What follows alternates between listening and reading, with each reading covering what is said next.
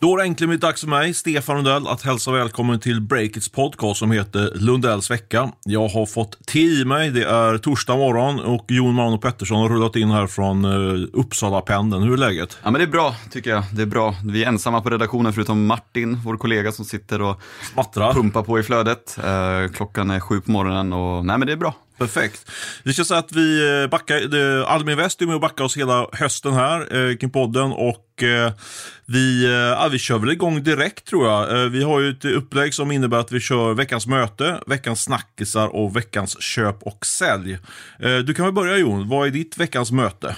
Mm, nej, men mitt veckans möte skulle jag nog säga, vi, vi hade ju ett event igår, SAS Summit, som var verkligen superbra. Vi kanske ska prata lite mer om det sen, men uh, där var Fredrik Skanse på plats, grundare av Funnel. Kan du bara säga en mening vad de pysslar med?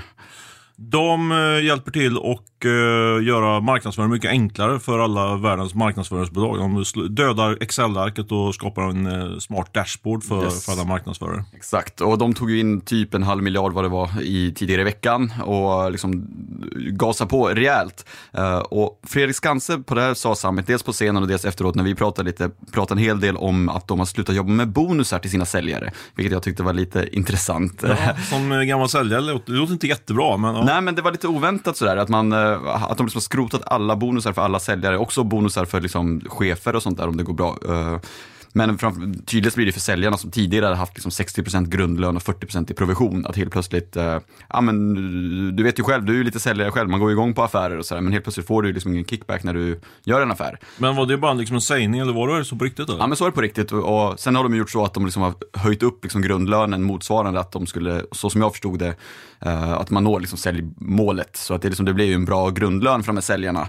Men, uh, men de har genomfört det och liksom, det har varit ganska tufft att genomföra det. De har kontor i USA tror jag med 45 anställda liksom, där det är väldigt säljdrivet och, liksom, mm, och folk var liksom, ja men investerarna kan de tokiga och sådär. Men han, han liksom gick stenhårt på sin linje liksom, där han tror på att, ja, man tyckte, han tyckte att det blev för individualistiskt. Liksom, folk gör affärer, liksom, tänker på sig själva men inte så mycket teamtänk. Och fördelen, han menar att de säljer, fick sin bästa månad direkt efter att de införde det. Ja, och, ja, sen vet vi ju inte om det fortsatte så, eller om det bara var one time månad riktigt. Det kanske man borde följdfrågat. Men, ja, men vi... man ser på siffror. Jag skrev ju om den här rundan som gjorde, ja. det går jättebra för dem. De ja. är fantastiskt till. 100% per år ungefär. Mm. Så det... Ja, men lite mer fokus på liksom de bra och viktiga affärerna och, liksom, och säljare som jobbar tillsammans snarare än att man stänger liksom snabba deals. Uh, var väl en fördel. Men var, när vi pratade efteråt så var han ju lite så här, ja vi får se nu, liksom, nu kanske det blir att, för känslan i rummet när han pratade om det, det var ju liksom att, nej men bonusar, man kanske ska skita i det liksom. Mm.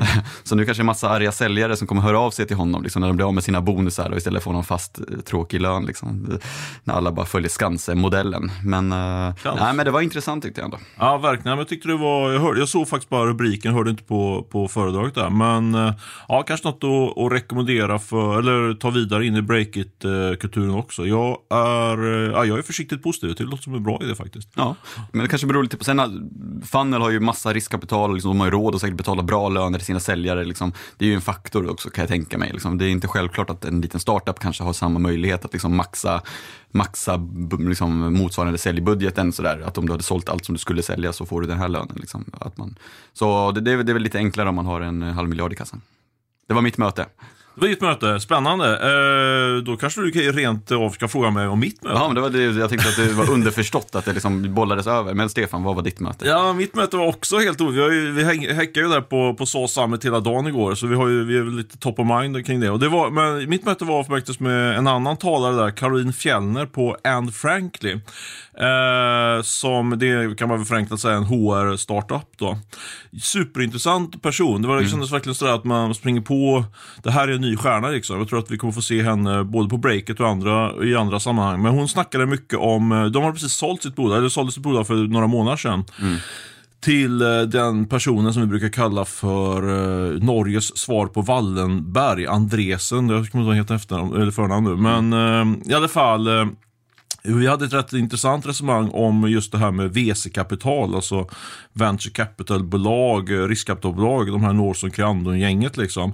Hon var rätt skeptisk, men hon har ju tagit in kapital från, från VC i, i första rundan så att säga och sen så hade hon eh, nu sålt vidare då till en mer, eh, ska man säga, sån här evergreen, alltså långsiktig ägare får man väl kalla det.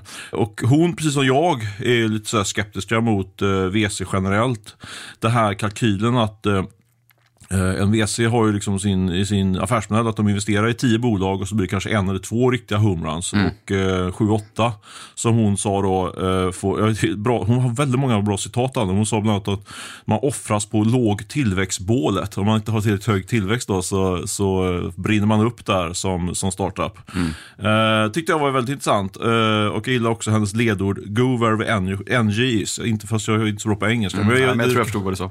Nej, men det kan verka relatera till. Energin ska Ja. man gå på. Absolut. Ja, men det var, jag lyssnade också på, ni pratade ju mer efteråt sådär, men, eh, eller innan, eh, men jag lyssnade också när hon pratade där på scenen. Det var också väldigt intressant. Liksom, hon pratade ju om hur man tänker runt en exit när man har startat ett bolag och ja, men hur mycket pengar, alltså pengar är ju såklart en faktor. Liksom, eh, vill man ha så mycket pengar som, att hon drog något exempel, liksom, köpa hus på Djursholm och riva huset och bygga ett nytt och sen köpa en ny tomt. Daniel Ek, liksom, behöver man de, den typen av pengar? Eller i hennes fall sa hon ju att hon däremot hon kan unna sig ett gäng flaskor champagne och sådär. Så, Just det. Och hon ville inte säga hur mycket hon fick betalt för, men jag, jag har ju gått igenom deras och så. Nu, nu är jag ute verkligen inte på halis, men jag tror att, hon, att de värderas till, ja, låt säga, mellan, ru- rund och bra summa, mellan 50 och 100 miljoner när de såldes. Så det kanske vi borde skriva på breaket faktiskt. Ja, vi får gräva lite i det. Kanske dyker upp i något av hennes bolag om något år annars. Liksom. Ja, men det var där jag hittade Ja, du faktiskt. hittade det, ja. ja. så Ja. det är någonstans där låg det. Så det var, hon har ju också gjort en väldigt bra resa och är nu med då i nästa. Mm. Som, var, som ganska vanligt när man gör en sån exit så investerar man i det nya bolaget. Då. De har ju fusionerat med en norsk spelare. Ja, Mm. Spännande, tar vi går vidare. Ja, men det tycker jag. Eh, vi ska snart snacka om veckans snackisar, men först ska ni lyssna på det här. Då har vi fått med oss Matilda Konkell in i poddstudion. Cool Company är ju en av veckans sponsorer och Matilda, ni på Cool Company har ju verkligen järnkoll på allt som har med frilansandet att göra. Eh, jag tänkte med att börja fråga dig, vilka frilansyrken är egentligen de vanligaste just nu? Mm, Men de allra vanligaste, eller det vanligaste yrket bland eh, både män och kvinnor och alla åldrar, det är designyrken eh, bland frilansare. Okej, och det skiljer det sig någonting på åldrarna upp och ner eller design ja. som design? Eller? Nej, absolut. Eh, Går vi till exempel och kollar på 18 till 25-åringar så är det snarare marknadsföring och liksom sociala medier som dominerar. Men en bit upp i åldrarna och ända vägen till 55 så är det design som, eh, som är det stora liksom frilansyrket. Och då kan ju både vara grafisk designer, UX-designer eller mer traditionella liksom desi- kläddesign eller vad det nu kan vara. Men du, om man då tar in en frilans, är det något man ska tänka på, tycker du? Något tips där?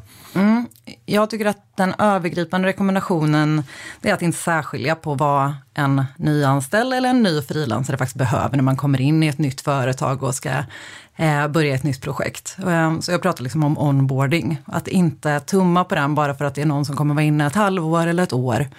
Eh, utan precis som, som vem som helst behöver den här personen en bra genomgång av vad som förväntas, hur det funkar på företaget, hur kulturen är och introduktion till hela upplägget. Så man ska känna sig lika välkommen oavsett om man är frilans eller Det man fastanställd? liksom. verkligen göra. Och det är ju en känsla man kommer ta med sig från företaget sen och det är också bra att tänka på som företagare. Bra tips där. Eh, innan vi avslutar det här lilla segmentet så ska jag också tipsa om att Cool Company har nyligen kommit ut med en stor frilansrapport eh, som man kan ladda ner på coolcompany.se. Där finns det en hel del matnyttig information som jag bland annat tagit del av. Gå in och kolla in detta. Tack Cool Company för att ni sponsrar vår podd. Yes, då ska vi gå in på veckans snackisar. Vi har ju två snackisar den här veckan som vanligt. Och ja, vad börjar med Jon, tycker du? Ja, men jag tänker vi ska börja med en kapitalrunda, en rejäl sådan. E-handels, eller vad ska man säga, fintechbolaget Juni har tagit in eh, 450 miljoner i riskkapital. Det är liksom en utökad runda. De tog tidigare in eh, 150-200 någonstans där i en runda. 180 kanske var. Du, du har säkert bättre koll än vad jag har. Ja, aviseras nu precis, precis en kvart, 20 minuter innan vi gick in här i poddstudion. Precis. Och det, är, det ska sägas att Juni, det, det är ett Göteborgsbaserat bolag som grundades för ett år sedan ungefär, alltså 2020. Och som alltså nu redan har tagit in eh, upp mot liksom 700 miljoner kronor. Det är liksom något, något form av inofficiellt rekord i Sverige nästan på kapital på kort tid. Voi har ju tagit in väldigt stora summor på kort tid också. Liksom startades på sommaren, tog in massa pengar liksom några månader senare och sen ännu mer. Eh, Men det här är något likartat och EQT Ventures, de säger att det är det snabb, snabbaste växande fintechbolaget de har sett. Eh, Det är ganska starka ord liksom och i en het sektor. Du har ju lite koll på Juni, jag vet att du har ju träffat grundaren och sådär. Nej, jag har inte det. Jag försökte Nej, träffa du har honom. inte gjort det. Ja, nej, men det var så här. Var Du har jag- jagat grundaren kanske? Ja, verkligen. Jag snackade med honom några gånger. Men eh, jag träffade ju, däremot träffade jag Jessica Schultz på, på Norson som jag tycker är kanske är Europas, en av Europas smartaste e-handelsinvesterare. Eh, hon tipsade mig om Juni eh, när vi träffades här i våras. Som gör vad då? Jag tänker bara så att alla är med nu på... Ja, det är lite rysare att förklara vad de gör för något. De, men de är ju liksom, eh, de är ett SaaS-bolag som, eh, som hjälper e-handlare att få bättre koll på sina... E-handlare har ju massa olika eh, marknadsföringskanaler, Facebook, eh, Instagram och så vidare. Och det, det ofta samlas där i massa olika dokument och Excel-ark, lite grann faktiskt som, som vi var inne på med fannen där, men inte riktigt samma sak. Så de, de skapar en form av dashboard liksom för e-handlare, så de kan se exakt var, var alla flödena går någonstans. Fokus på finansiella flöden kan man väl säga? Eller? Ja, så kan man säga. De ser liksom vad, hur, hur konverterar den här, den här eh, annonsen och hur, hur går det i det här läget. Liksom. Och sen så är det väldigt mycket, har jag förstått också, att man när man ska pröjsa, eh, det finns e-handlare har liksom sådär, måste ha en massa olika visakort, eller olika betalkort för att lösa det rent. Det är ganska mycket infra, eh, vad ska man säga, admin-bråk kring det där, strul kring det där som de hjälper till med också. Men sen eh, det som eh, det som sker i den här rundan som jag tycker är allra mest, och som, som Jessica snackar om eh, när hon liksom pitchar in det här bolaget, de har inte själva investerat men hon har säkert tittat på det här bolaget. Det är att eh, eh, idag i e-handelssektorn så är ju e-handlarna väldigt beroende av traditionella banker eh, som har rätt dålig koll på e-handlarnas business. På grund av att de har, nu det här blir liksom juni-pitchen då lite grann, men men jag tror att det ligger en hel del i det. Eh, för de har inte lika bra koll på, eh, men de har ganska traditionella kreditbedömning kan man säga. Men det som Juni kommer få, de får ju nu, de, det här är en tvåstegsraket kan man säga. Först har de byggt upp det här dashboardet då som, som går som tåget och, och massa e-handlare hoppar på och älskar liksom själva systemet. Men det som och Juni då får, då får de jättebra koll på hur eh, respektive e-handlares affär ser ut. Vad, hur konverterar de? Ser liksom, det här går jättebra för det här bolaget även om det inte syns i deras siffror. För det tar en stund innan man får in pengarna liksom, på kontot. och Sådär. Och det i sin tur gör att Juni kommer kunna erbjuda eh, krediter och bli en konkurrent till, till bankerna. Eh, och, det är det, och det är det man aviserar nu det här, i samband med den här rundan. Att nu ska man satsa på korta krediter i första läget i Storbritannien. Men det kommer komma och rulla ut på andra ställen också. Okej. Eh, och eh, det tror jag kommer vara en jätte, liksom en, potentiellt en game changer liksom, i hela den här industrin. Och det är därför så mycket T eh, går in i, i bolaget på så här extremt höga nivåer. Men bara, tillbaka, bara för att sy ihop det. Jag, jag fick aldrig träffa Samir El Sabini som han heter, grundaren. Jag ringde honom, han var super, super tillmötesgående och eh, fick verkligen känslan av att det här är en riktigt duktig entreprenör. Man kände den här energin och sådär. Men han bokade av eh, precis när jag skulle träffa honom eh, och liksom sköt, sköt fram det här. Och sen så kom då rundan och då fick jag snacka med honom. Alltså rundan i somras. Och nu har jag inte hunnit prata med honom faktiskt än, men det, jag ser fram emot att grilla honom lite grann framöver. där. Ja, men de ska ju gasa rejält nu, från 75 till 225 anställda tror jag det var liksom planen nu. Och, återigen, de startades för ett år sedan ungefär. Eh, Det är ju enormt snabb tillväxt. Eh, Men man vill ju nästan se det här verktyget för att verkligen förstå liksom briljansen i Juni. Just, jag känner själv att när man läser om det, det är lite svårt att greppa liksom vad som är. Man fattar ju att det är en bra Ja. grej, liksom, men det hade varit kul att bara, ja, någon får väl skicka över någon demoversion till Breakit. Bra får vi- idé faktiskt. Man skulle besöka någon e-handlare, liksom, bara sitta en halvtimme, timme för att få förståelse. Jag man, det är men man kan ju generellt. relatera ändå, vi har ju en prenumerationstjänst liksom, Ja. med olika eh, intäkter och strömmar och månadsabonnenter och årsabonnemang och allt vad det är. Och det är ju lite krångligt, det är, ju massa, vi, det är kanske bara för att vi har dålig struktur, men är, vi jobbar ju med massa olika system där liksom siffror finns där och där och det är olika liksom, Mm. MRR, månadsintäkter versus faktiska intäkter och liksom, det är ju lite stökigt. Liksom. Eh, det är stökigt. Verkligen. Ja, men jag tycker man verkligen relaterar till det. För det blir lätt att man som journalist eh, pratar på väldigt eh, liksom, basal och övergripande nivå. Liksom. Men sitter man här som lite mindre e-handlare, för de, de fokuserar ju på på små och medelstora e-handlare också. Och de har ju liksom, de, det ofta är det som grundare sköter du själv betalningar till Facebook så. Och Det, det tar ju mycket tid liksom. Mm. Så, ja men bra idé. Jag, skulle faktiskt, jag är riktigt peppad för att Ja. kolla in ett sånt där eh, dashboard och se vad det verkligen är för något. Men den här nyheten då, vad, vad går du igång på mest eh, när du läste den? Nej, men dels är det det här att, att nu, nu kommer det här med, för, för när jag snackade med, eh, med eh, grundaren där, Samir, i somras, då, då, då, var, då, då var det inte något stort spel det här kring krediterna och så. Men nu kommer, nu aviserar de det i pressreleasen att det här är det de ska satsa på. Så dels, dels tycker jag det är en superspännande intressant, eh, grej och jag tror att det som är det som är drivande till det som, som jag tycker är andra grejen som är intressant och det är värderingen. Eh, för det är ju liksom, du sa ju själv att de tagit in, eh, för jag tror att det är svenskt rekord i, i kapitalresan för en startup. Liksom. För det var ju det vi var inne på i somras, ja, men nu tar de in ytterligare en halv miljard drygt. Så det, det kan vi någonstans slå fast. Eh, och eh, Värderingen då, nu är vi nu är vi ute på lite hal is, eller tunn is som brukar Tunn, tunn is. För jag, har beställt, jag har beställt fram eh, handlingarna från Bolagsverket eh, kring den senaste nyemissionen, men inte hunnit gå igenom den i, i detalj. Och, eh, normalt sett brukar det vara ganska straight forward när man läser det kring, eh, kring eh, nyemissioner på Bolagsverket. Men här är jag tror de har fyra olika aktie, aktieslag, eh, massa olika preferensaktier. Eh, och de ska eh, slå ihop eh, aktieslag och kvitta bort och hej och hå, fram och tillbaka. Eh, med en viss reservation då, eh, som kanske var uppdaterat på så, så har jag sett att värderingen då i hösten 2020 gjorde de första rundan, en liten runda, då bland annat Naked-grundaren kom in, Jarno, Vanna Hattapataipion och något sånt där. Nej, inte alls, men absolut. Ja. Eh, då låg värderingen på 77 miljoner. I somras, det är jag säker på, då låg värderingen på 760 miljoner. Det är tio gånger. Det är rätt eh, saftigt liksom på så kort tid. Och nu, om jag har räknat rätt, då, så har värderingen gått från 760 till 1,8 miljarder. Okej. Eh, så det är ju liksom lite, kanske inte anhör då, men det är extremt höga, höga liksom värderingar i, för, för sånt eh, ungt bolag i så eh, tidig fas. Liksom. Ja, men eh, spännande. Vi får väl dubbelkolla de här siffrorna och sen skriva nyhet när vi verkligen vet eh, vad som gäller. Ja, och sen tycker jag man ska lägga till en sak då, som jag var inne på, att det finns fyra olika aktieslag, massa olika preferensaktier och sånt. Så när, vi kastar, när jag kastar ur mig en sån här värdering på nästan 2 miljarder, låter ju otroligt på ett sånt uh, ungt bolag, då är det ju så att det är massa, alltså investerarna tar ju mycket, mycket mindre risk än, kan man säga, än, eh, än entreprenörerna. De, vill få- de kommer få tillbaka sina pengar i, i samband med de här preferenserna.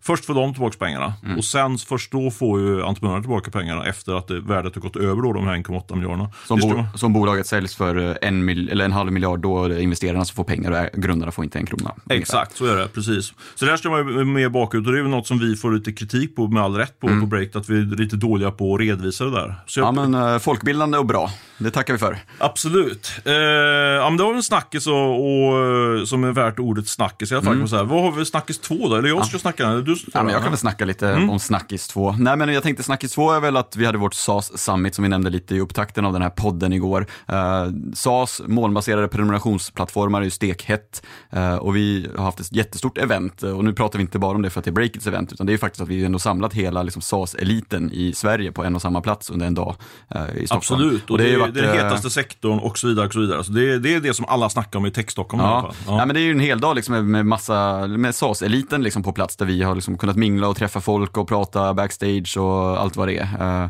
Så jag tänkte vi ska väl bara fånga upp lite där. Vad, vad, vad tar du med dig som liksom den stora snackisen därifrån? En, en av de stora snackisarna var ju det som kom på morgonen där när vi drog igång eventet. Det var att Funnel tar in eh, 600 miljoner nästan i riskkapital. Och vi hade ju med oss precis, du, du träffade ju Fredrik här innan, innan hans event, eller innan hans dragning. Och han som, det var en snackis på själva eventet tycker jag när han körde sin dragning kring det här med provisioner. Eh, ja, så, ja, jag var inne på Fjällner också. Uh, Anne Franklin tycker jag var spännande. Du då? Nej men eh, absolut de, eh, men också skulle jag nog säga, vi hade ju Tink-grundaren på plats där vi tidigt på morgonen, eller tidigt, klockan nio. Eh, Och han var ju väldigt bra tyckte jag, eller Det rolig i som- alla det hade fall. någon som sjöng där också innan, visst var det så? Ja, exakt. Jag tänkte faktiskt komma till honom sen, eh, lite senare. i Ja, det en teaser, en teaser. Jag kan- jag kan inte- medvetet höll han borta, men det blev också en snackis ska vi säga. men, eh, nej men Tink-grundaren som sålde Tink till, bo- till Paypal för 18 miljarder var på plats. Nej, eh, Visa. Visa, Ja, precis. ursäkta. Ja, men bra. Nej, men eh, var på plats och pratade, inte så mycket om den affären, han var ju väldigt hemlighetsfull, men han var ändå rolig, vilket man uppskattar. Liksom, han var ju, det var ju en skön snubbe, jag har inte träffat honom, eh, Mm. så, eh, men han var ju ändå rolig att lyssna på och berättade liksom, eh, Ja, han var ju tycker jag. avslappnad och härlig liksom, och det Och är sen, kul. sen, sen tycker jag också, eh, han var ju ändå bjussig, han sa ju saker, ja, generellt kan man tycka si och så. Så man förstod mellan raderna så gav han ganska mycket information Mm. Ja. då, så jag tyckte det var bra. Ja, Det var bra pressat också av vår vd Camilla Bergman där på scen också som eh, försökte ja, pressa honom lite extra. Ja men verkligen, och sen, det som jag tyckte var allra roligast med, med intervjun med Daniel Kjellén där, det var ju ändå att eh, Camilla lyckas ju pressa fram ganska mycket om eh, ett lite så här intrikat ämne kan man säga i breakit-sammanhang. Eh, Jag gjorde en intervju med, med Daniel efteråt också som ni gärna får läsa, den kommer läggas ut nu på nu samma dag som den här podden kommer ut på fredagen. Och då snackar han mer om, eh, ja han pratar om polisförhör och topsning och, och eh, han blir kallad till förhör på EBM och sådär. Du kan väl dra lite grann bakgrund, vad kommer det Ja men absolut, och det är på grund av oss kan man väl säga att vi, vi polisanmälde ju Tink och Daniel Kjellén uh, för, när, när var det egentligen? Var det något år sedan eller?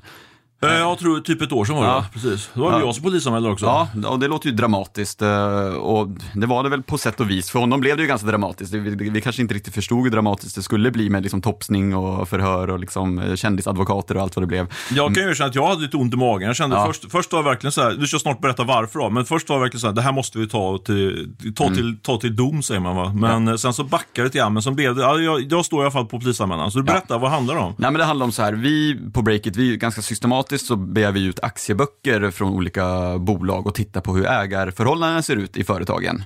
Det innebär ju att vi liksom på så sätt kan se vem som äger vad i ett företag, eh, kort och gott. Och det skulle du göra på Tink. Det här var lite innan den här stora affären som sen kom. Eh, Och vi, hade väl liksom fått lite nys om att eh, saker var på gång och jag minns inte exakt varför vi skulle begära ut den just där och då, men det var väl kopplat till att det var en affär på gång. Och vi hade Jag tror de har gjort en stor, ny, ytterligare en ny, Ja, stor runda. Just det. Ja, men, och massa tunga ägare och sådär. Vi ville ta del av den och enligt aktiebolagslagen så måste man som eh, aktiebolag dela med sig av den här och visa upp den så snart som möjligt. Eh, man får liksom inte fördröja det liksom aktivt så. Men de ville inte göra det för de hade ju den här nya missionen på gång och vi sa att vi ville visst se det här nu eh, och de sa nej, du får komma om några veckor och du får skriva sekretessavtal om du ska ta del av det här. Vilket liksom, ja, enligt oss inte något som man alls behöver göra liksom, utan de ska ju ge den, okej kanske inte på sekunden men typ liksom att, ja, de, de får ju lösa det så att vi kan hämta den. Ja, Eh, också, också enligt aktiebolagslagen. Så man Enligt- läser man, ja. läser man uh, ordagrant står det ju så Ja. faktiskt. Eh, Det står ju lite till så snart som möjligt eller något sånt där. Står det Så, väl, liksom. så Ja. det är klart att de måste väl liksom, men ja i alla fall. Men det gjorde de ju inte. Och de, Får jag bara sticka in, jag sa det avbrutet, men liksom, jag ringde ju faktiskt han som, hade varit, som varit med och skrivit den här Mm. Lagen. det. Så frågade jag just med definitionen hur snart som möjligt och det var inte liksom flera veckor. Ja, nej, men det var ju två veckor är alldeles för lång tid Ja. var ju liksom det som sades. Och någonstans när de, inte, när de vägrar göra det, då började vi också prata på redaktionen, liksom, men får man göra det här? Och det verkar ju inte som att det här har liksom prövats någon gång. Så det var ju lite också att vi anmälde för att liksom få reda på vad, vilken rätt har vi egentligen här? Vilka krav kan vi ställa på bolagen när vi vill göra vår journalistik? Eh, och så, så där, där, där någonstans liksom tog historien fart kan man säga. Ja, absolut. Och på scen så berättar ju Daniel Kjellén eh, ganska ro, får man ändå här roliga detaljer Mm. kring vad som hände. Han, han, eh, det känns som att han har lite distans till det här nu. Det har vi egentligen haft hela tiden, men Mm. ja, på, på något sätt. Eh, bland annat så berättar han ju att han, han anlitar ju ändå dels två eh, externa eh, advokatbyråer innan då, innan, innan han tog beslutet att säga, liksom definitivt säga att han inte ville lämna ut aktieboken. Eh, men sen också då när, när EBM hörde av sig då, då anlitade han en kändisadvokat som, som heter Jonas Erik, Johan Eriksson heter han. Han höll ju ett rätt eh, känt sommartal där eh, i, i den här vevan. Eh, och eh, Daniel berättar då att eh, hans fru eh, gillar det här sommarpratet och det, det nämnde han för Johan Eriksson och då gav Johan Eriksson eh, boken till, eh, till eh, Daniel Kjelléns fru då. Och så det längst fram skrev han så här. Här har du något att läsa om maken blir borta länge. Det var Ja. lite roligt tyckte jag. Och sen var det här med topsningen då som var ju ändå, det är ju rätt dramatiskt att man blir topsad. Liksom det, det, det tror jag faktiskt, eller det vet jag att, eh, att eh, han blev lite skakad av. Ja, men han sa ju också liksom att där började jag liksom fundera, shit vad, vad, vad har jag gjort här nu egentligen? Liksom. Ja. Eh, Sådär. Och det är klart, det är ju ändå lite mer dramatiskt när Ekobrottsmyndigheten plötsligt ringer dig och kallar dig till ett förhör och börjar topsa dig. Liksom. Det, jag hade också blivit lite stressad om man säger så. Eh, Ja. Speciellt om man kanske har någon stor affär på gång också med liksom, en visa eller något i i bakgrunden. Liksom. Eh, Det är inte optimalt kanske. Ja men precis, den, den affären låg ju definitivt och tickade här bakom när det här började hända. Och sen sa ju Daniel också när jag, i intervjun där efteråt, som jag snackade med honom lite grann efter, efter själva mm, scenframträdandet, att eh, folk i hans omgivning då, jag tänkte plocka upp det till dig Jonas, för han, han, han sa det att många, flera i hans omgivning tyckte att Breakit, citat, då var idioter. Okej. Eh, och det tyckte jag är intressant, du, du som ansvarig utgivare på, på Breakout och liksom egentligen ytterst ansvarig för den här polisanmälan, även om det är jag som står på den. Vad, är vi, var vi idioter som, kanske lite ledande fråga, men intressant att höra. Vad tycker du? Mm. Nej, men de det tycker jag idioter, inte. Alltså, det tycker jag faktiskt inte. Så här, den här lagen finns ju av en anledning. Tanken är ju att man ska kunna se om till exempel makthavare eller politiker till exempel är delägare i bolag. Att man ska kunna liksom ta del av det. Det är viktigt för folket att få liksom veta vem som äger vad så det inte finns liksom den typen av särintressen. Sådär. Så, så, så lagen finns ju av en anledning. Sen visst, polisanmälan kan ju upplevas lite drastiskt. Liksom, vi kunde ju vänta till två veckor.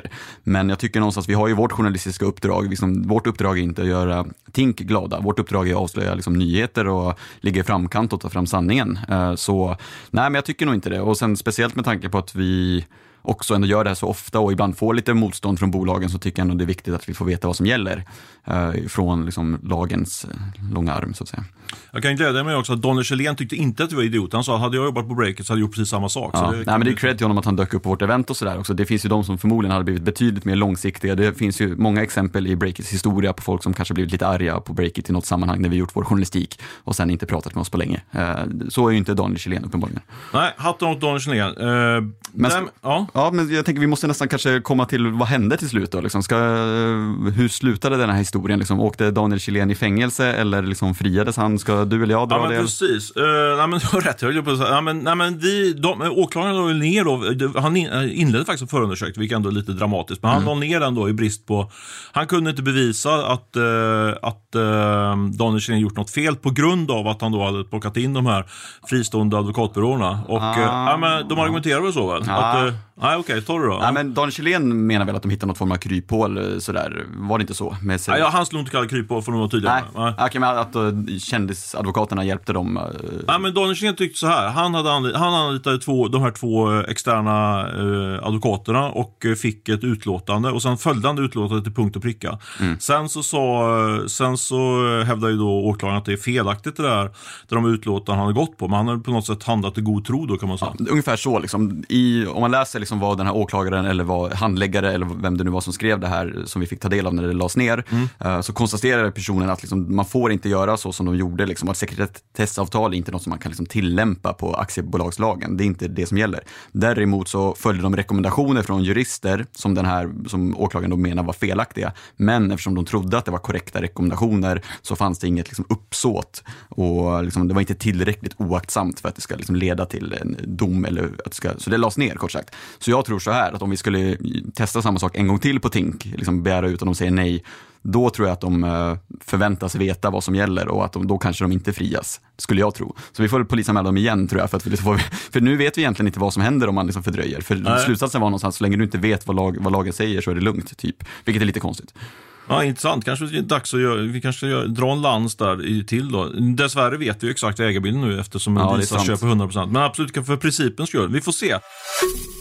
Du, eh, vi ruschar vidare här. Eh, Mm. Då har vi avslutat våra segment eh, kring eh, de hetaste snackisarna och går nu in i vårt sista, men inte minst eh, intressanta segment. Veckans köp och sälj. Ja.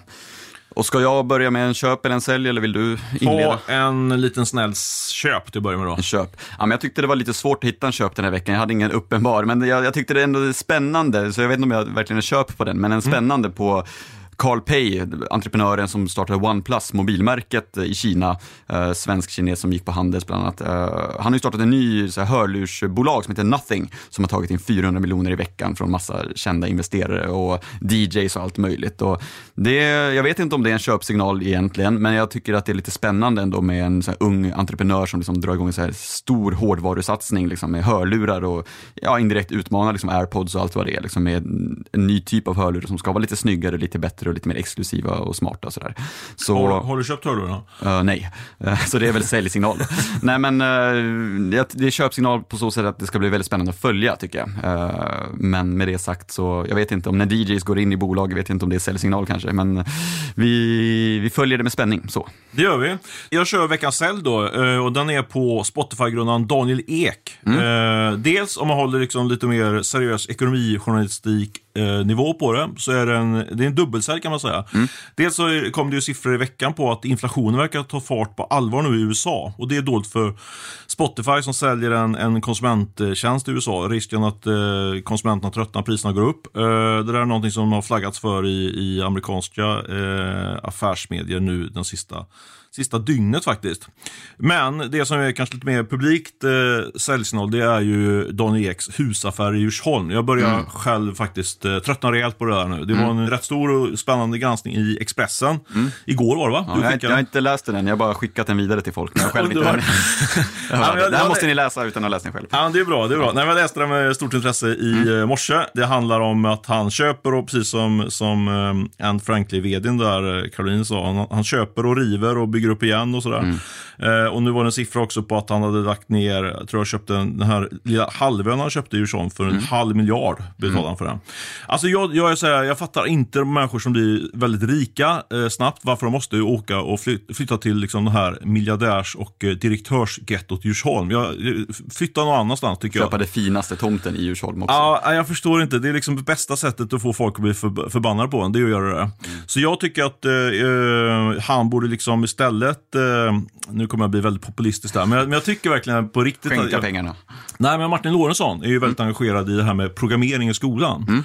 Och jag vet att han funderar på någon form av skolsatsning. Så mitt, eh, mitt eh, råd till Martin och Daniel det är att de startar, startar Sveriges eh, vassaste och bästa skola på Järvafältet. Där ska man verkligen göra skillnad. Det. Lägg den halva miljarden där istället, istället för att köpa ett hus. Jag tycker det är, nej, jag vet inte, jag är trött på det här. Flera hus till och med, men absolut, jag Ja. håller med. Det är bra, bra spaning. Vad har du för eh, köp då? Ja, alltså med risk för att bli, bli lite eh, så här, detaljerad nu, men jag tycker ändå att det finns en intressant grej här med Sebastian Siemiatkowski, Klarna-grundarens eh, investmentbolag Flat Capital. De är ju på väg att och noterade bolaget eh, och man kan teckna sig i det bolaget fram till den 13 eh, oktober, behandlas 20 oktober. Men så här, eh, om man tittar i, i Flats portfölj så finns det faktiskt betydande dolda värden i den här portföljen som jag har upptäckt. Inte bara jag utan andra tror jag, men jag, jag har inte sett någon uppmärksammat riktigt. Dels som man när Truecaller eh, noteras nu, eh, fick en noteringskurs, eh, så hade de då bokat värdena i, eh, i Flats portfölj till 11 miljoner kronor, men det var värt 27 miljoner. Ja. Och eh, nu har jag bara 1,30 på mig att prata klart här, men nu kommer det. det, måste, det, här är, det här är något eh, ni kan tjäna pengar Jag visade på. upp en klocka för Stefan som tickar ner. Jag måste verkligen vidare. Absolut. Nej, men lyssna vidare här. För det här är- kan faktiskt vara ett köpläge. För sen, det som är den stora grejen då, det är att eh, Kinnevik eh, har tagit upp sitt eh, innehav i Budbee till ett värde på 4,5 miljard. Men tittar man i Flats eh, portfölj så har de bara bokat det till 2,7 miljarder. Eh, så det innebär, och det är alltså Flats näst största innehav. Så jag hittar, om jag räknat rätt nu här på morgonen så finns det ett, eh, ett dolt värde på bara i Flat eh, eh, bara i Budbee, eh, i Budbee-aktien där, eh, som, som då Flat äger på, på eh, nästan 100 miljoner. Eller 70 procent mer då än, än det bokat är. Så min konklusion är att eh, veckans köp är Sebastian Siemiatkowskis investmentbolag Flat Capital. Jag eh, råder alla att teckna sig den. eh, Oj, oj, oj. Det var en riktig så här, köprekommendation från Stefan Lundell. Och du brukar väl alltid säga att man ska undvika dina köprekommendationer, så det kanske... Ja, jag gör tvärtom. Gör tvärtom. Och jag är inte sponsrad av Sebastian Siemiatkowski, även om man kan tro det här. Man får, Kan man tro. Kan ju misstänka vem som har tipsat, jag vet inte. Men inga, jag håller håll, hårt på käll, källskyddet här. Ja, det är bra. Ja, men ska jag ta min sista veckans sälj då innan vi rundar av? Ja, gör det. jag tänkte, vi, du nämnde ju lite kort, vi hade ju en artist på plats på SAS Summit, rapparen One Curse. Eh, Han är ju blivit... Som säger. Ja, okej. Ja, Mm. typ i alla fall. Men eh, han har ju blivit väldigt känd efter att han eh, gjorde introlåten till Snabba Cash. Han var ju väldigt, väldigt känd innan också bland liksom, en annan målgrupp. Men jag gissar på att du aldrig hört talas om honom till Nej, exempel. men däremot jag låten faktiskt på... Ja. Texten är jag lite mer skeptisk Ja, den, är lite, det, den stack ut där i, på, SAS, på SAS Summit. Nej, men jag tyckte det var det är en grymt kul bokning och liksom väldigt, väldigt oväntat. Och eh, det var någon som sa att någon hade hört någon dam i publiken som sa, "Va- vad är det som händer? liksom förstod inte riktigt sådär. Men, eh, men det väckte mycket reaktioner utanför liksom, SAS Summit. På Twitter var det väldigt många som liksom blev, började reagera och liksom, skjut mig i huvudet om jag jobbar på en startup som bokar sådana här rappare och bla bla bla. Liksom, och de känner jag lite säljsignal på hela gänget. Liksom, att det känns Det var mycket, var en hög andel journalister där va, som var... Ja, men det, det är ju lite kul också. Det är ju väldigt kul att folk reagerar och folk skriver ju skämtsamt och sådär. Men det är ändå, ja, det är lite intressant att man reagerar så kraftigt bara för att typ gissningsvis att det kanske är en rappare liksom, med en mask istället för om vi hade haft Molly Sandén som spelar liksom, en gitarrlåt här som intro. Då hade väl ingen brytt sig. Uh, så, nej men lite säljsignal till alla tråkiga människor som tyckte att det var hemskt att vi bokade One Curse när det var en fantastisk bokning tyckte jag. Eh, bra, du ska rusa vidare. Vi ska ha en liten konferens här om, Mm. om typ 10 minuter. Men eh, innan du springer ut ur studion måste vi säga att Ola Aronsson har varit ansvarig utgivare och eh, jag vill att ni ska, vad är det nu, man ska prenumerera på, på, eh, på Ja, men det ska man väl göra och tipsa folk om podden och liksom, eh, podden måste ju växa om vi ska orka fortsätta. Du är ju väldigt så här, driven av sånt, eh, att du, Ja. det ska ju hända saker, inte bara stå stilla. Så om man vill fortsätta att podden ska liksom komma i framtiden, kommande år och decennier, då är det bara prenumerera och tipsa och lyssna. Gör som John Skogman som driver Sveriges största ekonomipop än så länge, Mm. Börspodden. Han har sagt mig att han har tipsat eh, om vår podd till flera stycken. Så det är en bra eh, rek. rek Tackar vi för. Bra, men ha det så bra så hörs vi om en vecka. Det gör vi. Ha det bra. Hej hej!